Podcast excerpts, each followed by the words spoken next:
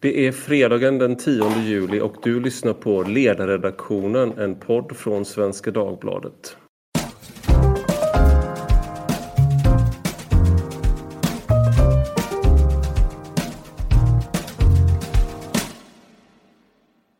Och idag har vi en liten panel med våra ordinarie medarbetare och nya medarbetare och tillfälliga medarbetare. Och det, mina gäster idag är min chef Tove Livendal. Välkommen!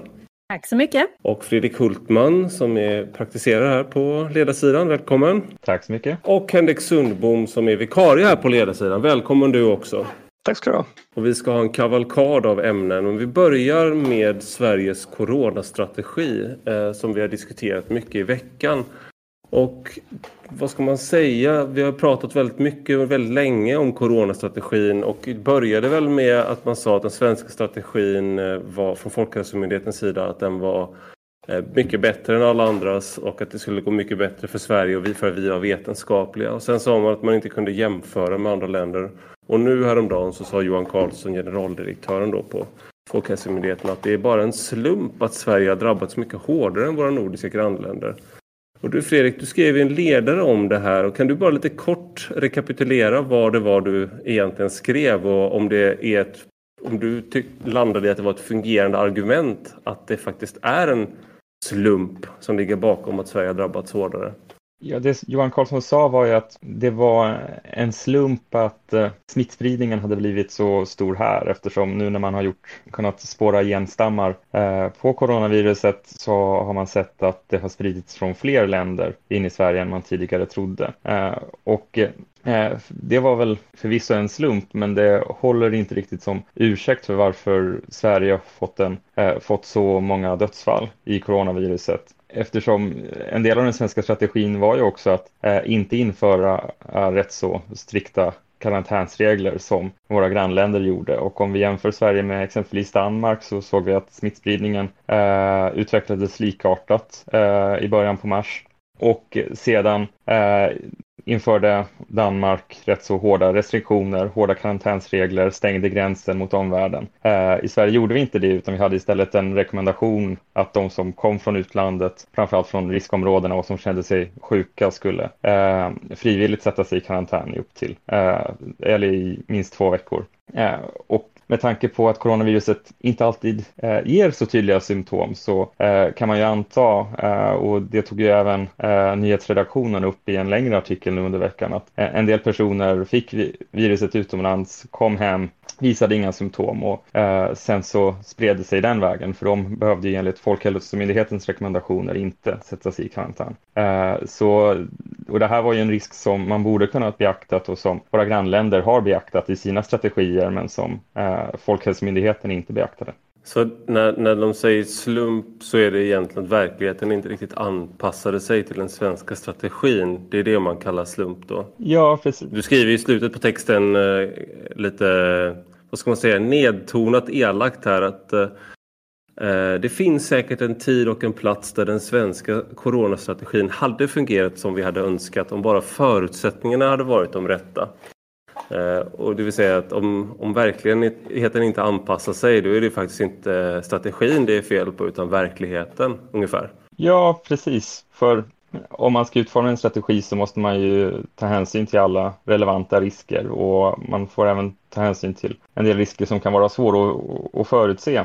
Man kan ju se det som så att det finns ju, eh, och det tar jag också upp i texten, en hel del saker som eh, vi vet att vi ännu inte vet. Eh, och man måste ju även beakta sådana saker, även om det kan vara svårt och ibland ta det säkra för det osäkra. Och här gick man ju fram väldigt hårt eh, och byggde en strategi på vissa antaganden.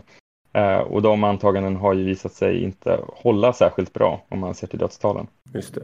Jag tänker Tove, du som har eh, varit med i politiken ett tag. Ser du något, något, finns det något politiskt som man bör tänka på i det här uttalandet om att det inte finns en så här, vad ska man säga, det finns inget misslyckande egentligen hos, eh, hos Folkhälsomyndigheten utan, och det finns inte heller ett misslyckande hos regeringen utan det är snarare virusets fel att Sverige blivit hårdare. Är det någon eh, är det, finns det någon, någon politisk analys man bör göra här? Är det något politiskt hänsynstagande som görs i det här uttalandet eller just nu från liksom, vad säger du? Ja, jag tycker att det finns, har genomgående varit så att det som det har varit lite olika signalspråk från Folkhälsomyndigheten. Att å ena sidan så tycker jag om man går tillbaka så har de ju ändå varit ganska tydliga med att ja, till exempel när de pratar om veckoprognoser så säger de att det finns en eftersläpning. Så de har varit försiktiga med att fastslå med säkerhet olika saker.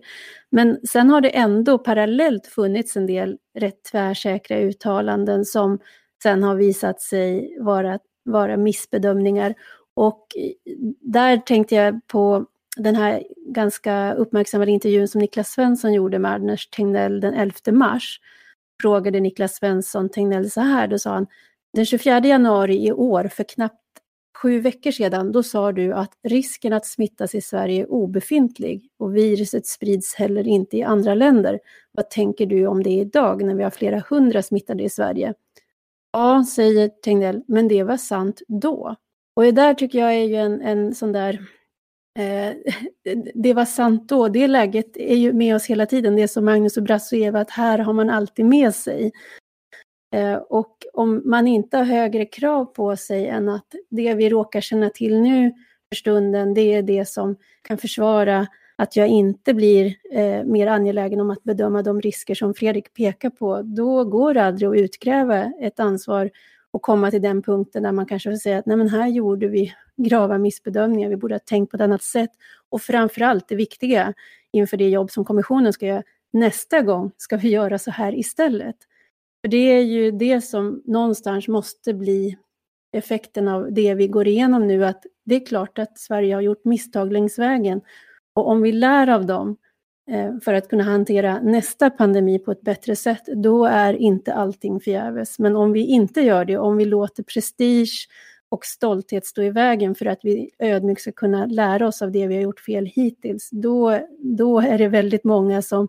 Det är inte bara det faktum att människor har dött som inte skulle behöva dö, utan också då utan att vi blev klokare som, som folk. Nu har ju eh, en annan eh, vad ska man säga, i början så var det ju opatriotiskt att kritisera den svenska strategin. Att ens antyda att det var, kunde finnas något fel i det som Folkhälsomyndigheten eh, eh, sa och rekommenderade. Och det var ju väldigt dåligt att det var så, att man inte kunde ha en kritisk diskussion ordentligt när, när det verkligen behövdes eh, som allra mest. Men nu har det också kommit en hel del artiklar som skrivs eh, utomlands som inte alltid är helt eh, eh, vederhäftiga i vad de återger den svenska strategin. Så även om man då som jag till exempel som har skrivit på ledarsidan om eh, och varit kritisk till den svenska coronastrategin och sen så läser man en artikel som då eh, på pappret så borde man hålla med eftersom det är en kritisk artikel men så blir man irriterad för att den är ju kritisk utifrån felaktiga premisser. Eh, så då hamnar man i det här märkliga att man har först varit eh, varit kritisk mot den svenska coronastrategin anklagats för att vara opatriotisk. Och sen så nu så blir man anklagad för att vara för patriotisk och man ska vara kritisk till hur utländsk media rapporterar om. Eh, det är väldigt svårt att, liksom, att hitta vad, vad eh, eh, rätt nivå av självkritik i den här coronapandemin tycker jag. Alltså jag tänker där att det är väl, eh, man får låta bli att fundera så mycket på vad andra tycker och tänker. Man får bara utgå från vad man själv eh, tycker är rätt och rimligt. Och i det här fallet så har vi ju alla jagat efter ny kunskap, eh, eh, nya perspektiv och vi väntar ju, precis som Fredrik säger, så det är ju väldigt mycket som vi vet att vi ännu inte vet och som säkert kommer att förändra en del av bedömningarna av hur vi har skött olika saker. Men, men eh, där får man, jag tycker man man kan nog gott strunta i de här metadebatterna. Jag skulle, jag skulle vilja säga att jag förstår ju instinkten att när ett land befinner sig i kris, eller för den delen krig, så finns det då skäl att sluta leden så att säga. Men i det här fallet så är det ju eh, ja, fienden är av en, en karaktär som kräver att vi snarare blir mer kritiskt tänkande än slutar tänka, skulle jag säga. Ja, man kan säga att det är ett virus som drabbar tanken lite grann också, det här, skulle jag säga. Jag tänkte att vi skulle gå över till en märklig episod som utspelade sig i eh, public service i veckan och det var med anledning av de havererade migrationssamtalen mellan Socialdemokraterna och Moderaterna. Och Eh, Socialdemokraterna ville inte ställa upp på intervju i Aktuellt eller Studio 1 dagen när det skedde. Men i Morgonstudion dagen efter så var Morgan Johansson där. Men han hade krävt att slippa debattera frågan. Däremot så hade man även bjudit in då i Morgonstudion Maria Malmer Stenergard som är då den som har Eh, den som är migrationspolitisk talesperson för Moderaterna. Och Morgan Johansson är migrationsminister och kan de här frågorna. Eh, men han ville inte debattera. Eh, och då utspelades ett väldigt märkligt skådespel för den som inte har sett det. Jag rekommenderar verkligen alla att göra det. Men där Morgan Johansson säger att i direktsändning att ja, Moderaterna och Sverigedemokraterna är som helan och halvan. Dit den ena går, dit går också den andra. Och då Eh, markerar programledaren och säger att ja, nej, nu är ju inte det här en debatt så Moderaterna har inte möjlighet att bemöta de här påståendena. Utan istället handlar det om två enskilda intervjuer. Du skrev ju om det här, eh, Henrik. Eh, och vad, vad tycker du? Var, var det här ett rimligt sätt att lägga upp eh, debatten på? Det är ju ett helt orimligt agerande från två av de inblandade parterna tycker jag. Eh, och det är från Socialdemokraterna och från SVT. Eh, för det första så tycker jag att, att eh, i ett sånt här politiskt läge med en av de viktigaste politiska frågorna just nu som i förlängningen riskerar att leda till regeringskris, bryter samtalen samman, så har svenska folket eh, rätt att få höra var det största regeringspartiet står. Eh, och hur de här, eh, så diskussionen måste fram i offentligheten, den kan inte bara föras i de slutna rummen. Så att Socialdemokraterna och regeringen inte vill debattera det här i, i de stora medierna utan bara eh, föra fram sina uppfattningar utan att få kritiska frågor eller mothugg. Eh, det är ju faktiskt ganska skandalöst. De hävdar ju att det är för att eh, de vill inte förekomma samtalen i migrationskommittén som skulle komma samma dag och, då ville de inte föra eh, ha en eh, liksom förhandla via medier så att säga. De vill inte förekomma det arbetet har de sagt. Nej, just det. Men alla andra partier har ju varit ute och diskuterat detta så det blir väldigt märkligt när Socialdemokraterna inte gör det. Eh, men sen är det också oerhört märkligt agerat av, av SVT. Eh, och jag skulle faktiskt säga att jag tycker att det är oprofessionellt agerat. Eh, därför att när man lyssnar till de inblandade parterna här, både Morgan Johansson och Maria Malmer Stenergard, så är det uppenbart att de har väldigt olika bild av vilka buden var från SVT. Malmer Stenergard har fått beskedet från SVT att det inte ska vara en debatt men att det kommer att vara ett samtal där hon ska få möjlighet att bemöta Morgan Johansson. Men när det väl kommer till kritan och hon får den här hårda och och ganska oschyssta kritiken då från, från Morgan Johansson eh, så får hon kalla handen från programledarna och inte möjlighet till det bemötande som hon har utlovats. Eh, och Morgan Johansson å sin sida säger att han skulle ha fått debattera med Ulf Kristersson och så blev det inte så och då vill han inte ha en debatt. Och det verkar som att, att man inte har haft en, en eh, man har inte vetat vad man ska kommunicera till sina gäster så att de har kommit till studion utan att ha en aning om detta. Det är ett problem i sig och det är också ett problem i sig sig att man faktiskt accepterar statsrådets krav på det här viset. SVT är inte regim-tv utan en oberoende eh, mediekanal som faktiskt har förmågan att göra bra journalistik. Och när man nu äntligen lyckas få ansvarig minister till studion, för det är ju verkligen någonting som har saknats, inte bara nu utan, utan under hela våren. Alltså regeringen har varit ganska frånvarande kan jag tycka i att kommentera viktiga händelser så skickar man inte fram det tunga journalistiska garde som finns på redaktionerna utan man låter ganska oerfarna sommarvikarier, och det kan ju låta förmätet att själv då som sommarvikarie säga detta i en podd, eh, ta den här tunga uppgiften att, att, eh, att eh, intervjua statsrådet eller hålla den här debatten. Och det tycker jag faktiskt är under all kritik. Sättet som Socialdemokraterna eller Morgan Johansson och hans pressekreterare har försökt förklara det här i efterhand då, att det här upplägget var okej någonstans för eftersom att eh, han hade tackat ja till att debattera med Ulf Kristersson och sen så ville inte Ulf Kristersson eh, och eh, att eh, han inte tänker ta någon debatt eh, heller om migrationskommittén med någon som sitter i migrationskommittén eftersom han själv inte sitter i migrationskommittén. Det är ju socialdemokratiska riksdagsledamöter som sitter där. Eh, och det, det märkliga eh, med det är ju då att eh, han sen sitter i tv-studion och kommenterar migrationskommittén. Men han kan inte debattera det tydligen. Så hans förklaring går ju inte riktigt, riktigt ihop heller. Jag får mer och mer intrycket av att han lyckades få, eller att han ville Eh, bara debattera mot någon som hade hög status och sen när han inte fick det så eh, sitter han där i tv-studion och bara eh, vägrar ta någon hedlig debatt och så får han en chans att rikta kritik eh, utan att någon kan besvara den och så tar han den och nu försöker han bara släta över det. Det är väldigt märkligt agerande av en minister, men jag tror också det visar på att eh, Socialdemokraterna nog inte vill ha så mycket debatt om det här nu, för, för det här är ju en fråga där deras spin har handlat väldigt mycket om att det är Moderaterna som har fått de här samtalen att kapsejsa. Eh, och det är inte så att Socialdemokraterna har dragit sig ur. Eh, jag tror att det finns mycket som tyder på också vad som rapporterats i bland annat Dagens Industri under veckan att det var Socialdemokraterna som drog sig ur de här samtalen, sannolikt för att rädda regeringen. Eh, men eh, det är inte en särskilt bra sak att kommunicera ut att eh, de backar i migrationsfrågorna, vilket många av deras väljare ogillar, för att klamra sig fast vid regeringsmakten. Ja, ett pyttelitet försvar då för Morgan Johansson, för att det är ju också så att han känner till att andra politiker har fått den här typen av favörer tidigare.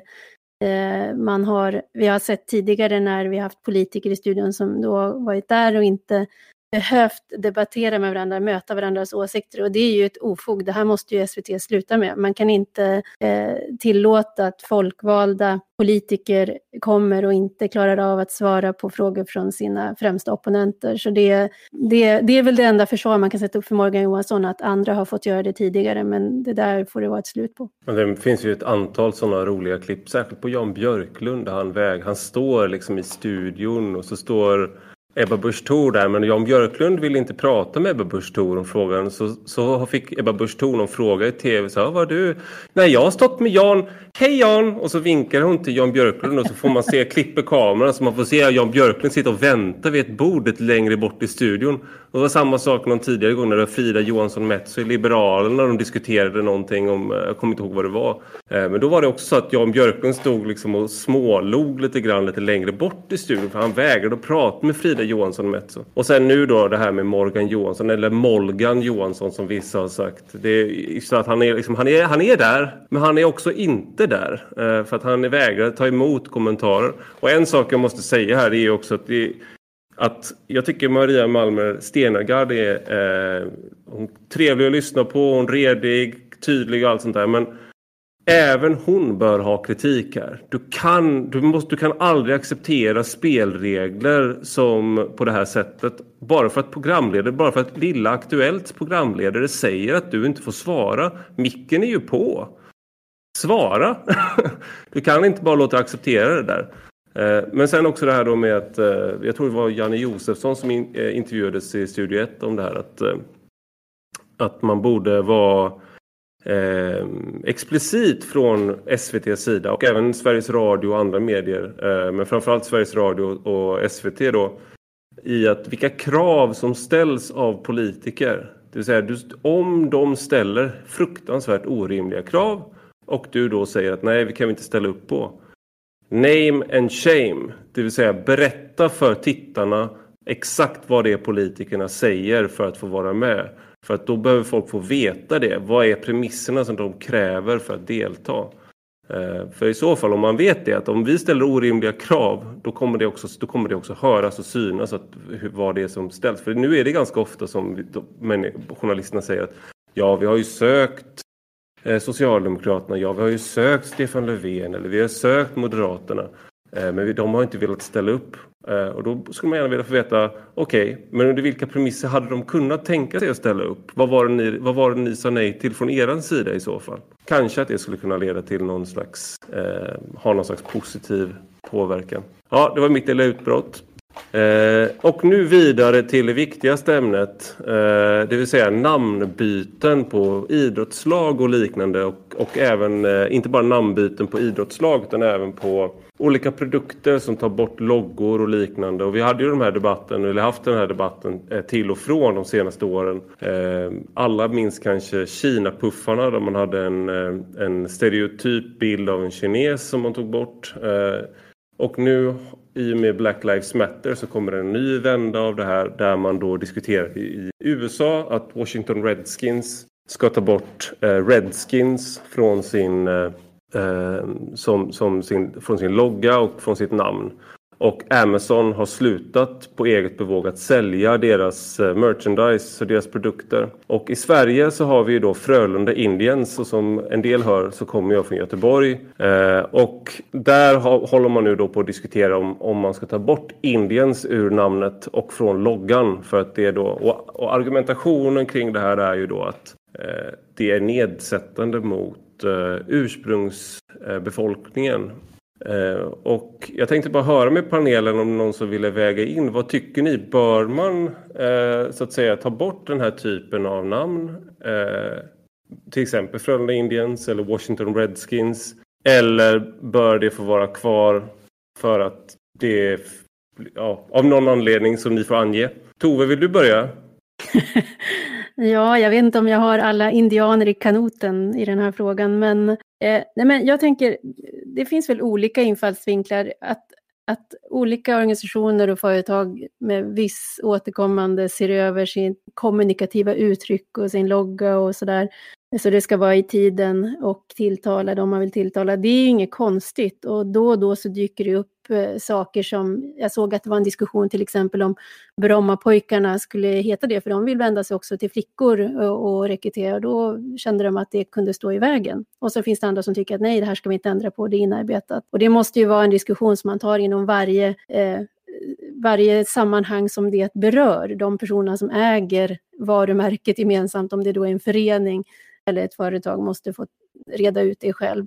Sen finns det ju eh, jag tycker att det är en balans, för att det är klart att hade jag haft ett, eh, ett organisationsnamn med n-ordet i så hade det varit svårt att kommunicera idag och det hade stått i vägen för det jag ville uppnå säkert. Då hade det varit läge att byta det. Men sen finns det ju en ängslighet också där saker och ting går för långt och jag då som eh, mer än ni andra i panelen påminner om den här stiliserade figuren på Kina, den gamla Kina-puffspåsen. Eh, hade inga bekymmer med det. Jag är, liksom, jag är okej okay med att jag skiljer mig utseendemässigt från er på lite olika punkter och eh, så ser ganska stor del av världens befolkning ut. Eh, gulare hyna, sneda ögon och mörkt hår. Liksom. Det, det är på en mycket generell plan så som asiater ser ut.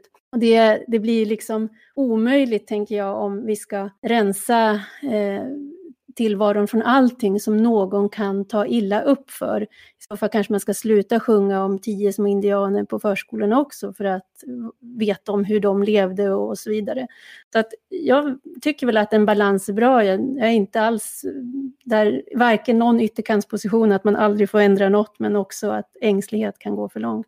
Jag tänker, eh, man bör också tänka på vad de symbolerna symboliserar. Jag menar det är en eh, för, för många som är uppväxta med att leka cowboys och indianer till exempel, då är ju eh, nu för tiden i alla fall och anledningen till att man valt de här symbolerna det är ju inte för att de är nedsättande utan det är ju en, någonting du vill ha den styrkan och den kraften som den här symbolen har. Eh, så att du är li, ett, li, en, ett lejon, en tiger eller en mongol eller en viking eller en indian så är det liksom att du vill ha den, den kraft och de, de eh, värdena som den här symbolen har. Du väljer ju inte så att säga en eh, nedsättande symbol. Det är därför du inte har Minnesota, liksom, Minnesota Vikings heter det. Det heter inte Minnesota Yuppies.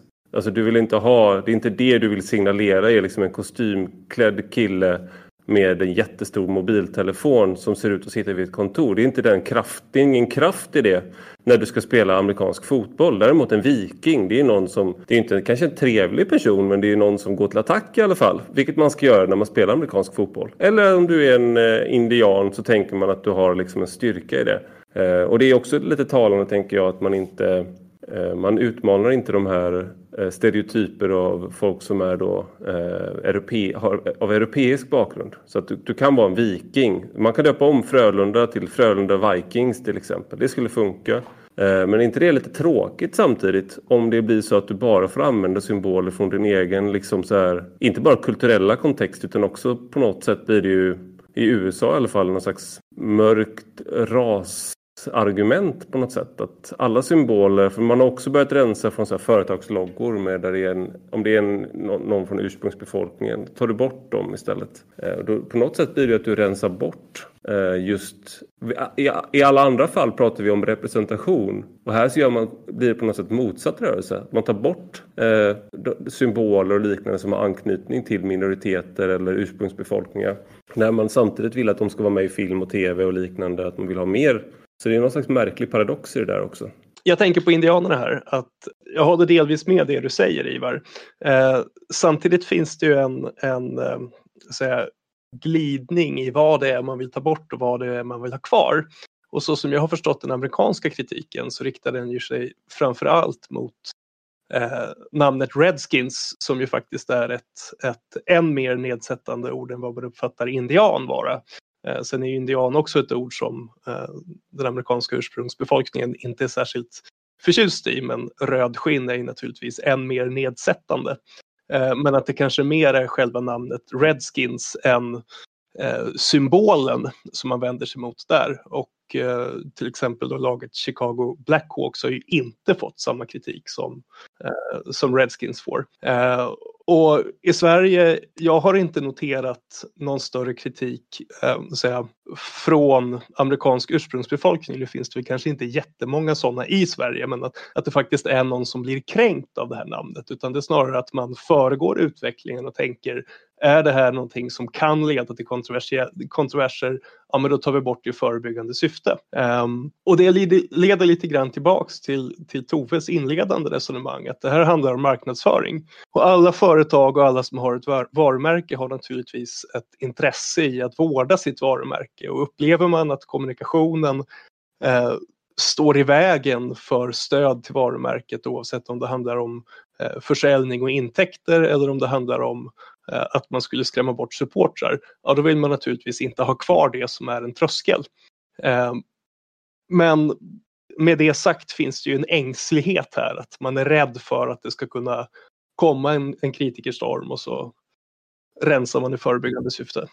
Jag tror att den generella, det finns en generell eh, känslighet här som jag, det vore olyckligt om man bara i Sverige hoppade på rakt av. Eh, och det finns liksom en o, generell tendens till att man Eh, Eh, ska byta ut allting som andas en annan tid eller som antyder att eh, eh, liksom, som har att göra med när man har så att säga approprierat en minoritetssymbol eller något liknande. Eh, på samma sätt så har det ju funnits en, eh, för, ett förbud mot att använda sådana fjäderskrudar som man har haft så här hövdingakronor på musikfestivaler och liknande i USA just för att man får inte appropriera det Eh, Eh, om man inte tillhör ursprungsbefolkningen då, om man är, är, tillhör en indianstam själv.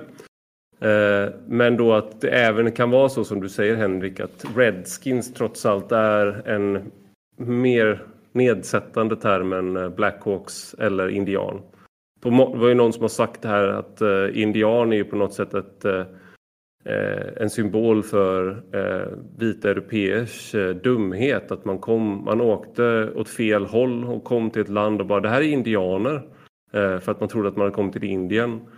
Eh, så på något sätt egentligen borde det ju vara vi som är kränkta över att man, for, att man fortsätter att säga indian. Liksom. Det är ju inte, det är ju inte liksom nedsättande mot dem utan nedsättande mot dem som att hur det blev en del av det engelska språket. Alltså lite skämtsamt i alla fall för att haka i det, det som Henrik var inne på, det som du var inne på nu Ivar, att mycket av det här handlar ju om, om kulturell kontext. Jag menar, på vilket sätt känner vi till indianer i Sverige överhuvudtaget? Jag skulle gissa att det främst är från amerikanska filmer som det, det har etablerat sig och börjat approprieras i Sverige. Och sen så har de namnen hängt kvar som varumärken under en väldigt lång tid. Medan i USA så handlar det om, eh, handlar det om faktiska människor som eh, i inte alltid, men i vissa fall lever eh, i särskilda eh, reservat, eh, mark som har satts undan för dem specifikt. Eh, och så har det sett ut i, eh, sen, eh, sen 1800-talet. Och eh, det här var också människor som fördrevs från sin ursprungliga mark eh, och utsattes för rätt så grova övergrepp. Eh, så där blir det en helt annan känslig fråga och därför finns det också mer nedsättande begrepp kvar i det amerikanska språket och ja, i amerikanska engelskan. Som då redskin. Ehm, och men här i Sverige så känns det som att eh, hela den här känsligheten inte riktigt finns eh, heller kring begreppet indian. För det här är något som vi har approprierat från amerikansk populärkultur på, på 50-talet snarare än något som är approprierat från, från verkligheten. Eh, det är ju snarare fenomenet indian man anspelar på än eh, som det har porträtterats på film än eh, de verkliga människorna. Precis, det är mer den sista mohikanen och liknande än att man faktiskt har vuxit upp eh, bredvid ett reservat eller liknande. Ja, eller jag tänker på en barnbok som jag hade som hette Lilla Hiawatha. Som handlade om en liten pojke och hans, eh, just att förstå etiken kring djur och natur var det väldigt mycket om. Så det, och det är ju den bilden, jag minns, kanske, det här kanske blir en, blir en podd som vi, vi blir stämda av någon för, men jag var på något ridläger när jag var åtta år och eh, jag vet där på avslutningen, då, då var jag utklädd som indian för de tyckte att jag såg ut som en sån, så hade en fjäder i håret och sådär och så skulle vi liksom rida som indianer gjorde.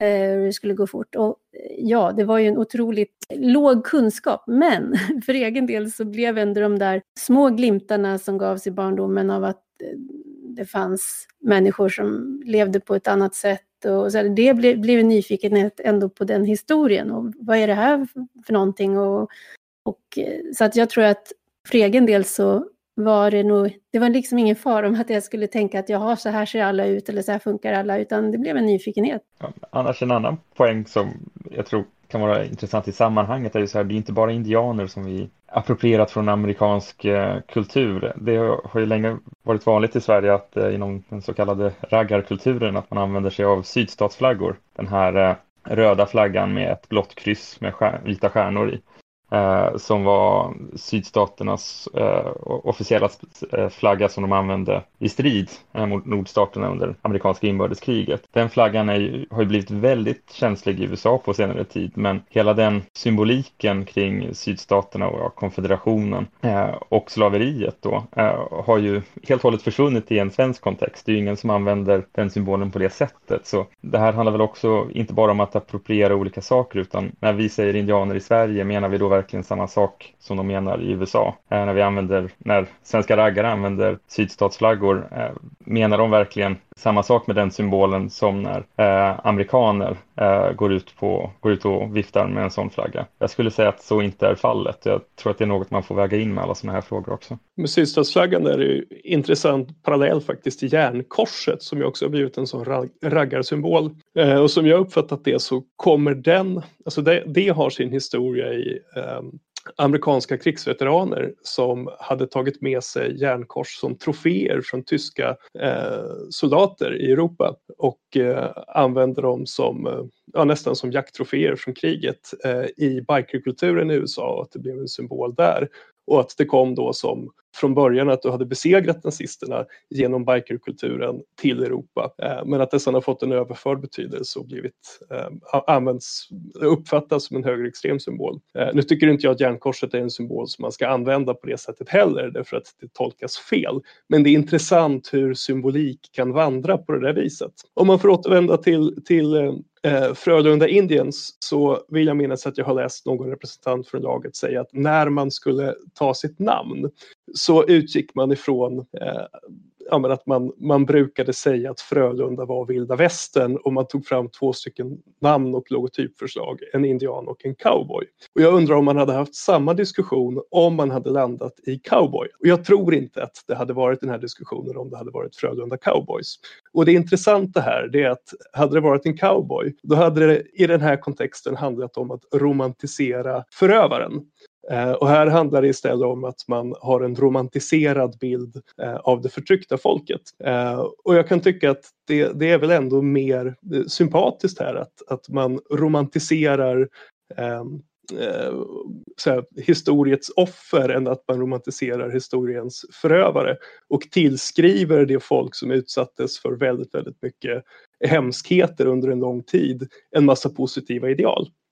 Det här har ju varit en parallell historia. Jag skulle säga att båda är helt jag tycker det är helt okej okay att eh, idealisera förövare i historien också. För många gånger så är det, är det alltid, finns alltid en dubbel historia. Cowboys var inte Eh, förövare utan det var ju ofta fattiga. Alltså man, om man ska gå ner på det här djupet vad de symboliserar och sånt där så är det ju frihet, det är att du liksom eh, eh du är stark, du är uthållig, du klarar dig. Dallas Cowboys som är ett NFL-lag i eh, amerikansk fotboll, de, det är ju inte, det är, de använder inte den symbolen som att de är förtryckare utan just för att de är slitstarka. De, det, är liksom, det finns en massa andra konnotationer där. Samma sak med Vikings, det är ju liksom ingen som, det var ju inte några liksom trevliga människor och det är hela poängen grejen i en sportsammanhang. Liksom. Du ska kill, kill and destroy, conquer. Liksom. Det är det som är grejen i sport. Det är ju, det är ju liksom en, vad ska man säga, en, eh, ett symboliskt krig och då, tar, då funkar det med den Annars kan det bli så här eh, Frölunda-terapeuter. Eh, eh alltså det är inte den typen av symboler du vill ha för i, ett, i sportsammanhang. Liksom.